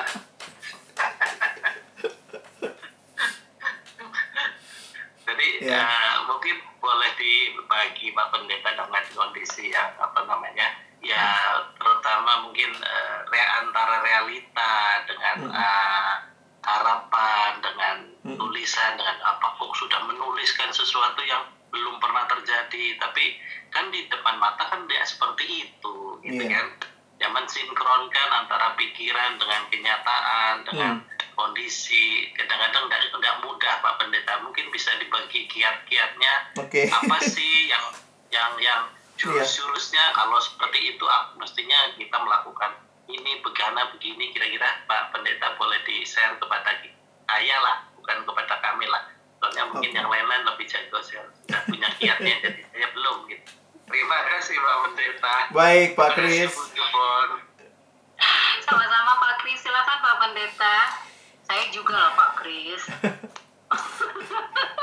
Ini menarik, Pak. Silakan Pak Thank Pendeta. you. Ini pertanyaan yang sangat baik dan sangat sebenarnya mewakili semua kita sih. Eh, setiap kita pasti pernah melewati pergumulan pertanyaan seperti ini kepada Tuhan. Kalau kita mau jujur, kalau kita mau jujur, semua kita pasti pernah bertanya. Bahkan mungkin situasi seperti ini kan membuat kita bertanya, Tuhan mengapa? Dan apa yang Pak Kris tadi ceritakan gitu ya, eh, ekspresi Mazmur 73, kita yang hidup benar, kita yang ya dalam pekerjaan Bapak Ibu bisa paham lah ya.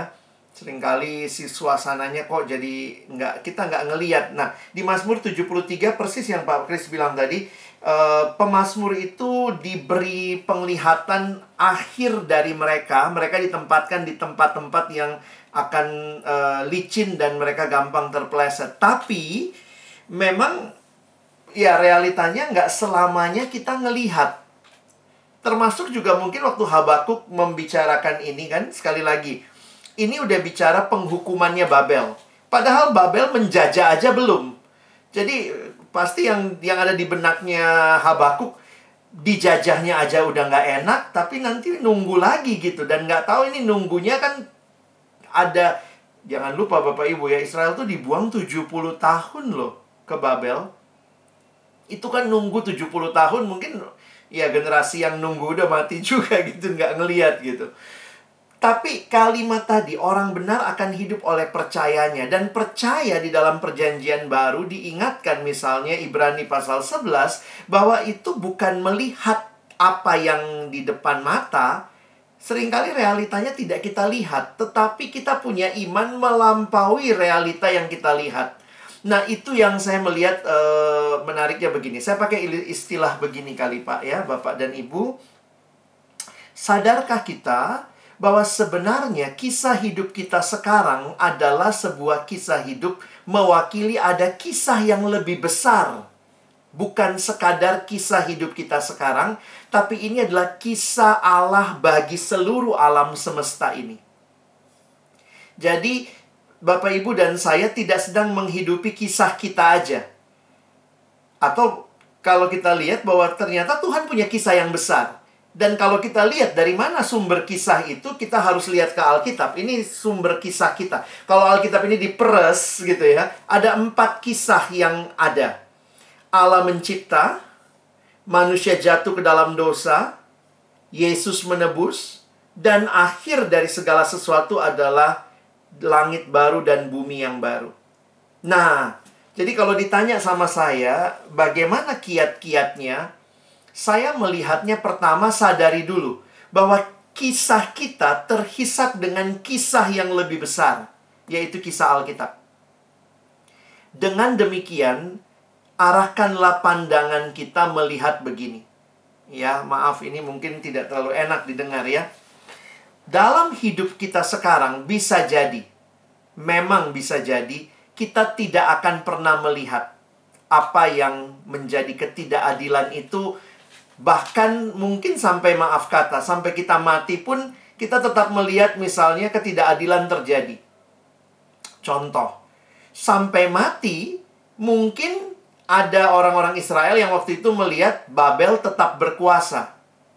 Jadi mungkin mereka juga waktu baca Nabi Habakuk mungkin akan bilang mana sampai aku mati pun masih Babel yang berkuasa.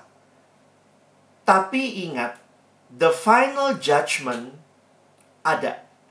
Kenapa? Karena itu inti dari kisah besar ini.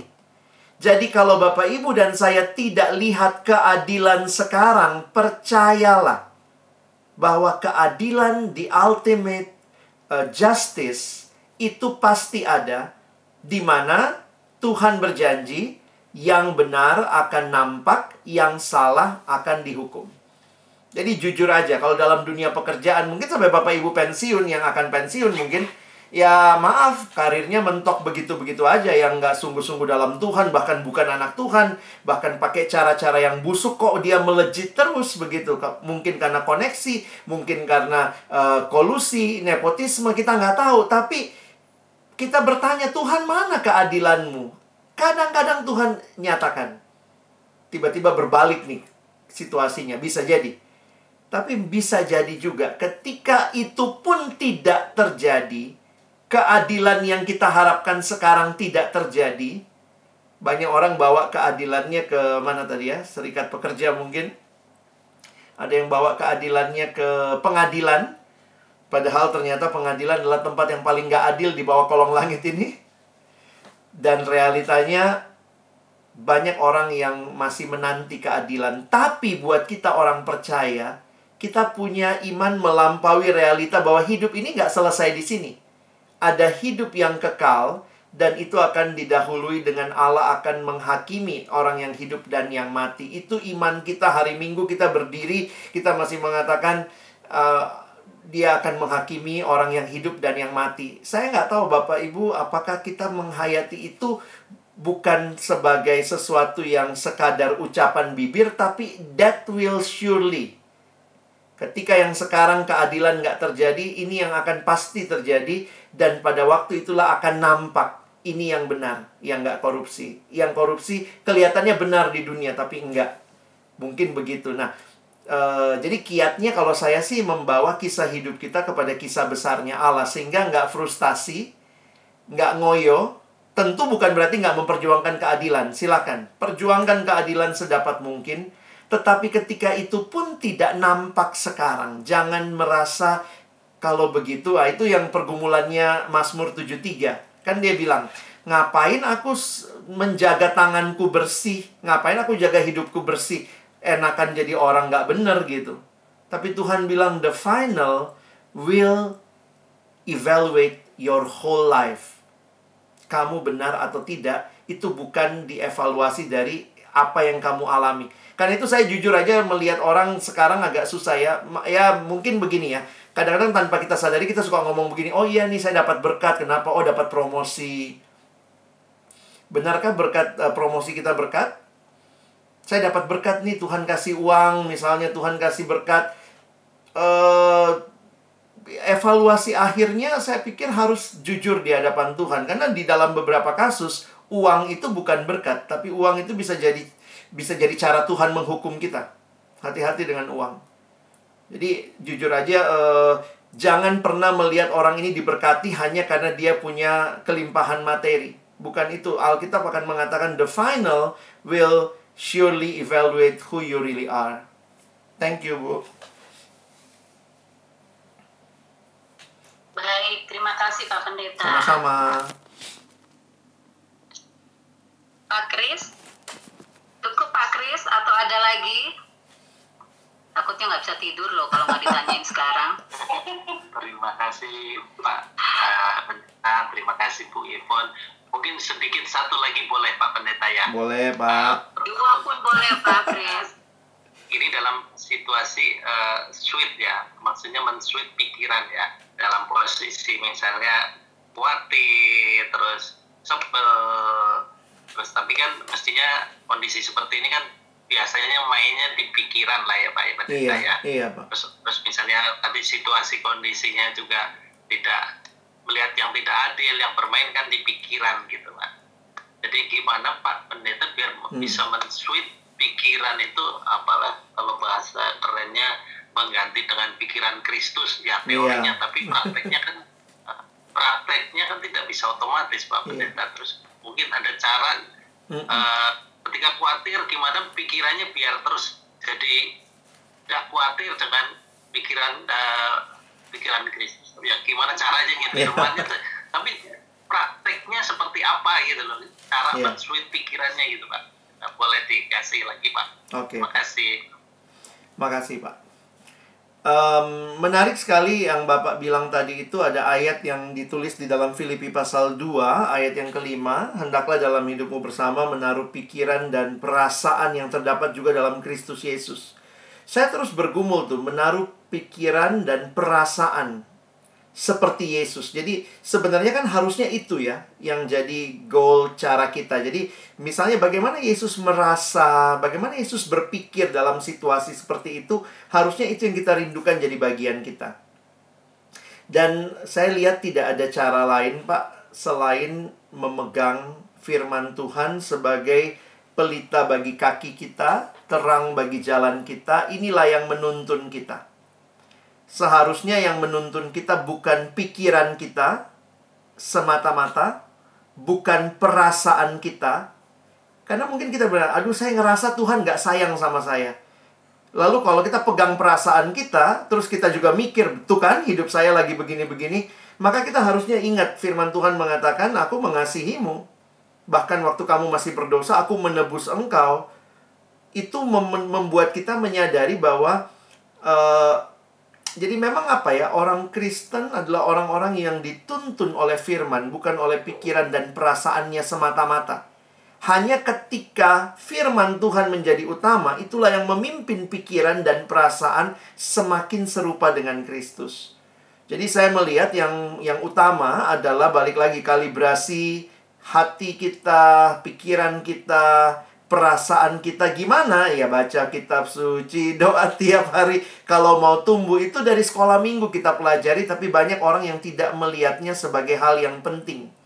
Seolah-olah makin saya bertambah cara pikirnya makin maju eh, karirnya makin naik golongannya makin tambah. Saya ngelihatnya kok banyak orang yang menyepelekan firman jadi kesannya ya kalau anak kita suruh wajib baca Alkitab, tapi apakah kita orang tua mungkin atau mungkin Bapak Ibu yang masih muda juga yang yang tahu bahwa firman itulah yang sebenarnya menolong kita. terus menerus. Jadi balik lagi uh, mintalah Tuhan menolong kita melalui firman-Nya supaya ya tipsnya adalah baca, renungkan, lakukan, sharingkan. Baca, renungkan, lakukan, sharingkan. Jadi jangan cuma sampai direnungkan, tapi lakukan. Bahkan sharing sama orang-orang lain. Di sinilah bagian yang kedua adalah kita butuh komunitas. Komunitas yang punya pikiran dan perasaan yang sudah diubah oleh firman. Jadi jujur aja kalau ternyata kita tidak punya komunitas seperti ini, saya melihatnya begitu ya. Um, ya sorry lah ya, saya kasih satu contoh yang sedih dari seorang teman. Ketika dia akhirnya bercerai, dan uh, jadi ini adalah seorang wanita. Jadi saya kenal mereka berdua.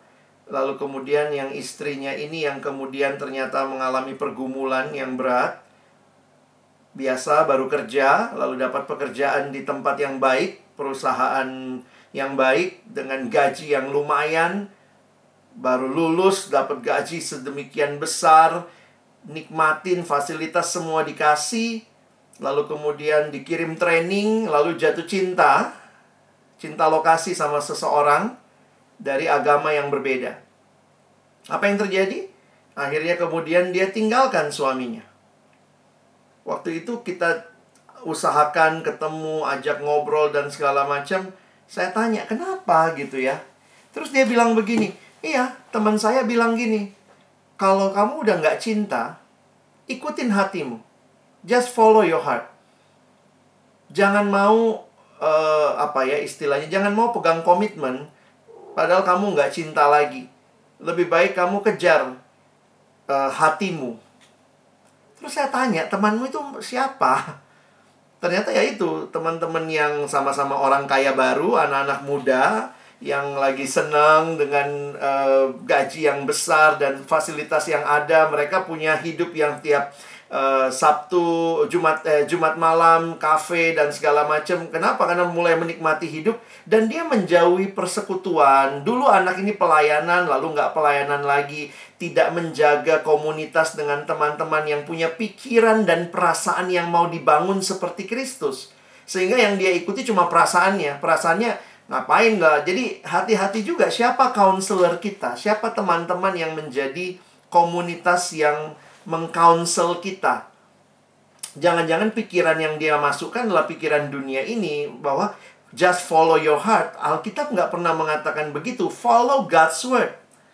Kalau hati kita bilang gue pengen sama suami orang, itu perasaan hati kita jangan di follow, harus follow, jangan berzina gitu ya.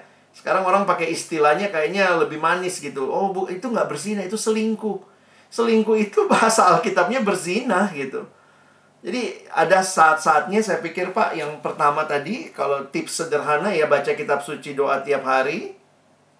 Jaga relasi dengan Tuhan, tapi juga bangun komunitas yang menolong kita bisa punya pikiran dan perasaan. Makanya kalau ada apa-apa mungkin tanya sama teman-teman persekutuan kita ya. Tanya bagaimana kepada senior-senior yang punya pengalaman, bukan cuma punya pengalaman organisasi dalam pekerjaan, tapi dia punya pengalaman hidup dengan Tuhan dan itu akan menolong kita juga membangun pikiran dan perasaan seperti Kristus. Jadi pikiran kita tuh memang tidak nggak bisa kalau sekali di sekali disetel maka nggak pernah lagi. Nah itulah terus gitu ya disetem setiap kali kalibrasi terus. Thank you pak. Terima kasih Pak Pendeta. Sama-sama Pak. Terima kasih Pak Kris. Kesekian kalinya saya dikuatkan uh, minggu lalu saya sampaikan mem, mem, mem, mem switch mindset saya supaya tidak terlalu ini ya Pak Pendeta ya. Iya. Yeah.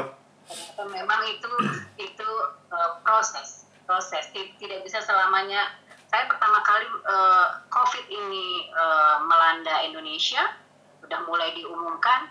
Itu kan pertama kali di Depok Pak Pendeta. Oh iya betul. Yes, korek ya. Warga saya sudah langsung stay at home nobody yang keluar-keluar gitu ya. Bahkan keluar dari klaster aja udah nggak berani gitu ya. Maksudnya eh, memang kita harus berdiam di rumah begitu. Iya. Awalnya awalnya terasa gampang oh iyalah gitu ya. Uh, saya belum merasakan perubahan yang biasanya setiap minggu saya pulang ke Jakarta dengan dengan saya harus stay. Makanya uh, ketika kemarin di dua bulan masuk dua bulan setengah kemarin di dua minggu itu luar biasa memang rasanya. Uh, apa namanya? Ya itu tadi. Itu tadi. Makanya kadang-kadang saya pengen nyelip ke rumahnya Pak Kris. Ada ada Pak Kris dan Ibu soalnya. Jadi kayak anak tunggal. Iya, iya. iya luar biasa. Baik terima kasih Pak Pendeta. Sama-sama, Eh, masih Bu. adakah Bapak dan Ibu? Baik Pak Yuntri kita bisa eh, masuk di eh, kita bisa lanjutkan ya. Kita bisa akhiri di sesi diskusi kali ini. Eh, Pak Pendeta boleh saya memberi eh, poin-poinnya dari Ya. apa yang Pak Pendeta sampaikan Silakan, sepanjang malam hari ini? Baik eh, ya yang pertama bahwa kita harus tahu bahwa Tuhan itu adalah Allah dari semua ciptaannya tidak hanya kita manusia jadi kalau Tuhan adalah pencipta kita, maka eh, Tuhan juga tidak pernah berdiam diri. Ya, tidak Ya. pernah tertidur ya pendeta. Dia hadir di dalam setiap kehidupan kita, di dalam setiap masalah kita. Tidak hanya masalah, sukacita juga Tuhan hadir. Nah, karena itu eh, kita juga tahu bahwa hidup kita tentu di, di bawah kontrolnya Tuhan ya jadi eh, kalau melenceng tuh jangan jauh-jauh balik lagi Pak Pendeta ya. Iya. kalau melenceng itu jangan jauh-jauh tapi balik kembali gitu. Jadi eh, yang kedua adalah sebagai orang percaya sebagai umatnya maka Tuhan ingin supaya kita percaya 100% sama Tuhan. Artinya bahwa kita bisa jadi tenang kita bisa berdiam diri gitu ya Pak Pendeta. Kita bisa bangun mesbah kita baik eh, eh, individu maupun eh, bersama dengan keluarga. Karena kita percaya eh, ada Allah di dalam setiap apa eh, yang kita alami Hmm. termasuk di dalam setiap permasalahan kita. Jadi eh, kalau kita bisa tenang pada saat itulah kita bisa mengklari eh, mengkalibrasi hati kita begitu Pak Pendeta ya. Kita bisa eh, di-remind lagi sama Tuhan bahwa memang kebaikan Tuhan itu nggak berkesudahan. Kebaikannya tuh terus, terus, dan terus gitu. Bukan seperti manusia, hari ini baik, besok sedikit-sedikit nggak baik. Sedi- Besok-besok sedikit-sedikit jutek gitu ya Pak Pendeta. Tapi eh, eh, apa Iya. namanya, kebaikan Tuhan itu memang eh, memang senantiasa. Ini dan selama-lamanya gitu ya. Baik, itu mungkin yang eh, eh, eh, dari saya Pak Pendeta. Satu lagi, tadi mungkin di sharing di awal saya katakan bertahan dalam firman-Nya Iya. mungkin ini bahasanya Pak Pendeta yang tadi disampaikan adalah follow uh, God's word gitu. ya dan memang itu luar biasa Pak Kris mungkin lupa loh waktu weekly meeting dengan uh, saya juga uh, Pak Kris sampaikan uh, saya lagi senang-senangnya loh uh, lihat hal-hal yang uh, funnies gitu ya funnies movie gitu ya sesuatu yang lucu yang bisa menghibur di tengah-tengah kondisi covid saya sempat nyeletuk sama Pak Kris Pak Kris saya cuma butuh PAW saat ini saya bilang gitu. Eh, iya karena mungkin waktu itu Pak Kris eh, eh, eh, belum tahu maksud saya kenapa gitu ya. Itu adalah klimaksnya pada saat minggu-minggu yang kemarin Pak Pendeta. Jadi memang eh, eh, eh, ti- eh, kadang-kadang berpikir membangun mesbah sendiri tuh rasanya tetap ada yang hilang loh Pak Pendeta Iya. ya Betul, belahan-belahan jiwa saya nggak di sebelah saya gitu ya secara secara fisik gitu ya. Eh, anak-anak saya je- apa mm, juga tidak di sebelah saya. Biasanya yang satu main gitar yang Hmm. satu nyanyi nyekera gitu ya. Jadi memuji Tuhan gitu ya. Tapi eh, lagi-lagi eh, akhirnya saya menemukan cara juga bahwa eh, video call jadinya. Hmm. jadi online juga sebenarnya mesbahnya mesbahnya itu online juga Pak Pendeta. Jadi eh, anak saya yang nomor dua saya minta main gitar atau eh, ka- karena kalau main drum kan eh, tidak terlalu ini ya. Maksudnya kalau dalam me- mesbah ya main gitar yang kecil nyanyi si kakak nyanyi. Akhirnya kita eh, Iya. bisa PAW sama-sama. Ya memang itu eh, eh, akhirnya eh, menemukan cara yang eh, lebih eh, apa ya membuat kita tenang dan kita eh, eh, cari kehendak Tuhan seperti itu gitu ya Pak Pendeta. Iya. Baik terima kasih malam Terima yang luar kasih. biasa.